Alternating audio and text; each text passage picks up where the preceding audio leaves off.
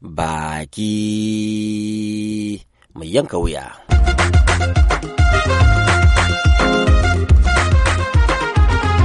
Takaddama na ƙara zafafa a kan rikicin shugabancin jam'iyyar APC mai mulkin Najeriya.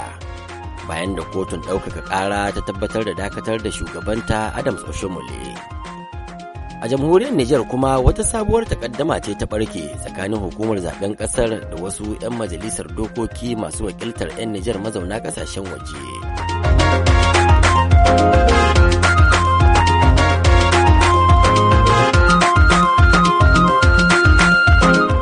Jama'a Assalamu alaikum. A makon da ya gabata ne dai gwamnan jihar Edo da ke kudancin Najeriya Godwin Obaseki ya bayyana komawarsa jam'iyyar adawa ta PDP bayan ficewa daga jam'iyyar APC mai mulkin ƙasar wacce kuma ta ɗora shi akan kujerar gwamna a shekara ta 2016. Matakin gwamnan Obaseki ya biyo ne bayan da kwamitin tantance 'yan takara na jam'iyyar APC.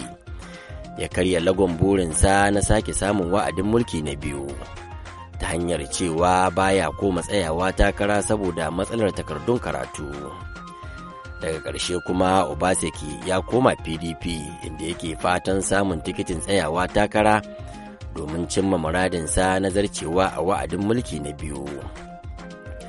To sai dai mai sharhi akan lamuran siyasa kuma malami a jami'ar usmanu danfodiyo ta sokoto farfesa bello ba da yana ganin da walakin. Kuma ya ce ai ko ina ga koma kulli ne. Wannan abu yana da alaƙa da siyasar 2023 a lokacin da su mutanen jam'iyya ke tunanin cewa takarar shugaban ƙasa zai koma a kudancin najeriya. Na biyu da ɗai haka take. Idan kana da ubangida da ya tsaye da kai shi fata ta tashi buƙata ba buƙatar jiha ba ba buƙatar ƙasa ba ba buƙatar ƙaramar hukuma ba. Idan ka saba ma buƙata ta tashi ta kai ne to shi kuma zai iyakacin gwargwado ne shi yaƙe ka to ba waccan jam'iyya ya koma ta pdp ba kowace ya koma za a samu irin wannan matsala. To a yayin da APC ke mamarin wannan rashin da ta yi, sai kuma ga hukuncin kotun ɗaukaka ƙara wanda ya tabbatar da dakatarwar da wata babbar kotu ta yi wa shugaban jam'iyyar na ƙasa Adams Oshomole a can baya. Wannan lamari dai ya haifar da ɓangarori biyu da ke da'awar shugabancin jam'iyyar. Bangaren sanata Abiola Jimobi da wani sashe na kwamitin zartarwa ya ayyana a matsayin muƙaddashin shugaban jam'iyyar. da kuma Victor Giadom wanda hukuncin kotun farko ya baiwa damar shugabancin jam'iyyar na riƙon ƙwarya. Wannan badakala dai ta janyo hankalin wasu 'yan majalisar kolin jam'iyyar da suke ganin lokaci yayi da shugaba Muhammadu Buhari zai kawar da shirin da yake yi saboda fargabar rikicin kan iya tarwatsa jam'iyyar muddin ba ɗau mataki ba. Abubakar Sadiq Sa'ad Fakai shine shugaban 'yan ƙungiyar ta integrity da suka kira wani taron gaggawa akan lamarin a abuja shugaban kasa ne zai iya tsawata wa kowane ne saboda shine shugaba na gaggab na jam'iyya da kuma majalisar koli. A yi zama na gaggawa a diba matsalolin nan a gyara saboda abin da 'yan najeriya suke buƙata mu yi kenan. Shugaba buhari an sha yi masa kirari da cewa baya sa baki a irin waɗannan lamura ba ma ma jam'iyya ba har gidansa ma baya cewa komai sai dai a ita faɗa kawai. So abin da kenan shi shugaban kasa buhari mutum ne wanda he believe on rule of law. Ba mutum ba ne mai sai dinga yama mutane katsalandan amma yanzu ta kai gaban da dole matsayin shi na uba ga jam'iyya matsayin shi na wanda 'yan najeriya suka tsaya suka dage saboda shi suka ba da mulkin nan da jam'iyyar APC nan ba za mu so in ba Buhari jam'iyyar ta tafi ba. Muna so in ba Buhari mu matasa da ke tasowa a zaman cewa APC nan tana nan. To sai dai tuni da wasu masu sharhi akan lamuran siyasa suka bayyana hukuncin kotun ɗaukaka ƙara na dakatar da Oshumole a matsayin ƙaiƙayi ne ya koma kan mashekiya bayan da suka yi zargin Oshomolen da hannu a ƙoƙarin hana gwamnan jihar sa ta Edo Godwin Obaseki tsayawa takara.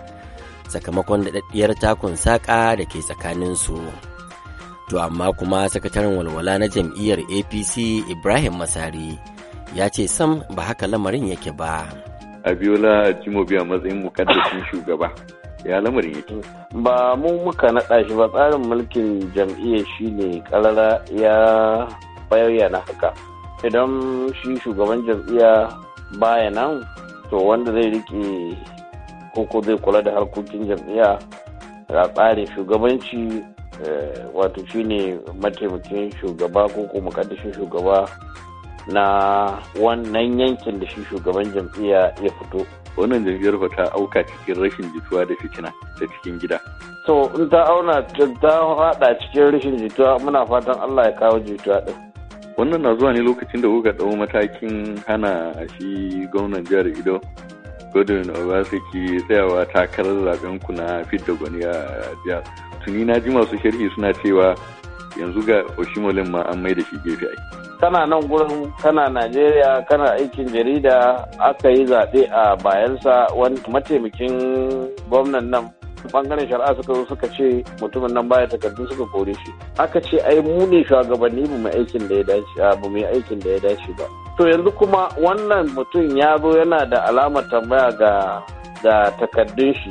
Magana a ce wai mun hana shi ko ba mun hana shi tsayawa zaɓe ba shi hana kai shi tsayawa zaɓe. Wato ibrahim masari abin da ake cewa inda suna shiri da shi shugaban jam'iyyar adam soshimole da ba abin da zai sa a gano yana da matsala. Wallahi tallahi ko suna shiri adam oshimole bai isa ya lullaba wannan abin ba. Saboda barin gaya maka abin da ya faru. Wancan karan ma IPDB tana ta samu takardun. Sai ta shigar da kara a makare. Wato abin da ake cewa an yi filing case din out of time. Magoya bayan shi gwamnan jihar ido godwin obaseki sun fara murna cewa shi ma dai oshimole ba mamaki ƙarshen siyasarsa ta zo kenan a to wannan kuma shi ne yake gaya maka ba wanda ya san abin da zai faru da kowane irin dan adam sai Allah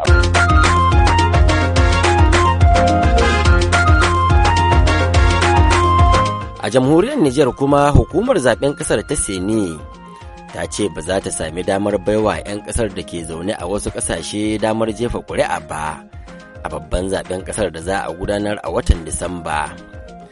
Bisa al'ada dai hukumar kan yi tanadi da dukkan 'yan ƙasar za su iya yin zaɓe a ko'ina suke da zama a faɗin duniya. To amma wannan karon ta ce hakan ba zai samu ba sakamakon yanayin da annobar coronavirus ta saka duniya a ciki. To sai dai fa matakin na hukumar zaɓen ya haɗu da kakkausan suka daga ɓangaren wasu masu wakiltar 'yan Nijar mazauna ƙasashen waje a majalisar dokokin ƙasar. Waɗanda suka ce sam ba za ta saɓu ba wai bindiga a ruwa. A ta bakin Honorable Mummuni Isa Jibo.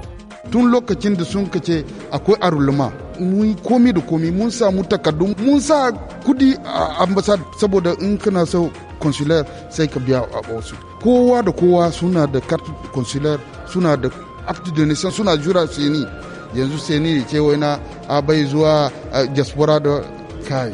In babu da 9 region kamar diaspora babu vote. Mu ƙarfi da mun ka samu ba seni ne ya ba mu shi ba sai ndp ne ya ba mu shi constitution ne ya ba mu ƙarfi wannan muna da izini mu dauci wanda muna so a presidential kuma muna da izini mu ɗauki wakilu biyar da an ka ba mu su zo wajen assembly national in sun ka ce ba su yi muna kai kur constitutional ne mu da su wallahi ba mu yadda wannan dura ne da muka samu tun 2016 muna vote To amma kuma duk da haka ɗaya daga cikin 'yan majalisar Honorable Alfari Abbas yana ganin cewa hukumar zaɓen na da hujja mai ƙarfi da ya kamata a yi mata uzuri.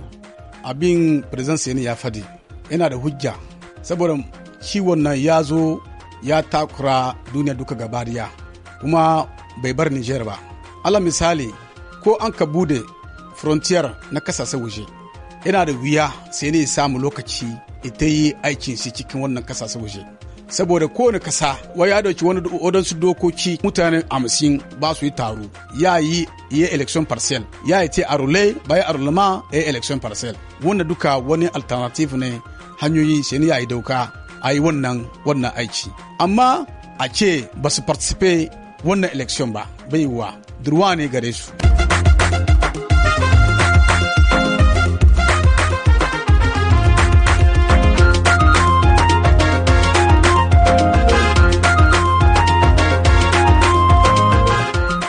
A nan za mu dasa aya sai mako mai zuwa inda za mu dawo muku da wani sabon shirin.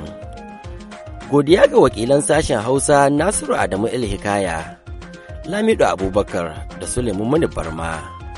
Cuba Hero ne ya daidaita sautin shirin. Murtala Faruk Sanyin na ke muku sallama daga Washington DC.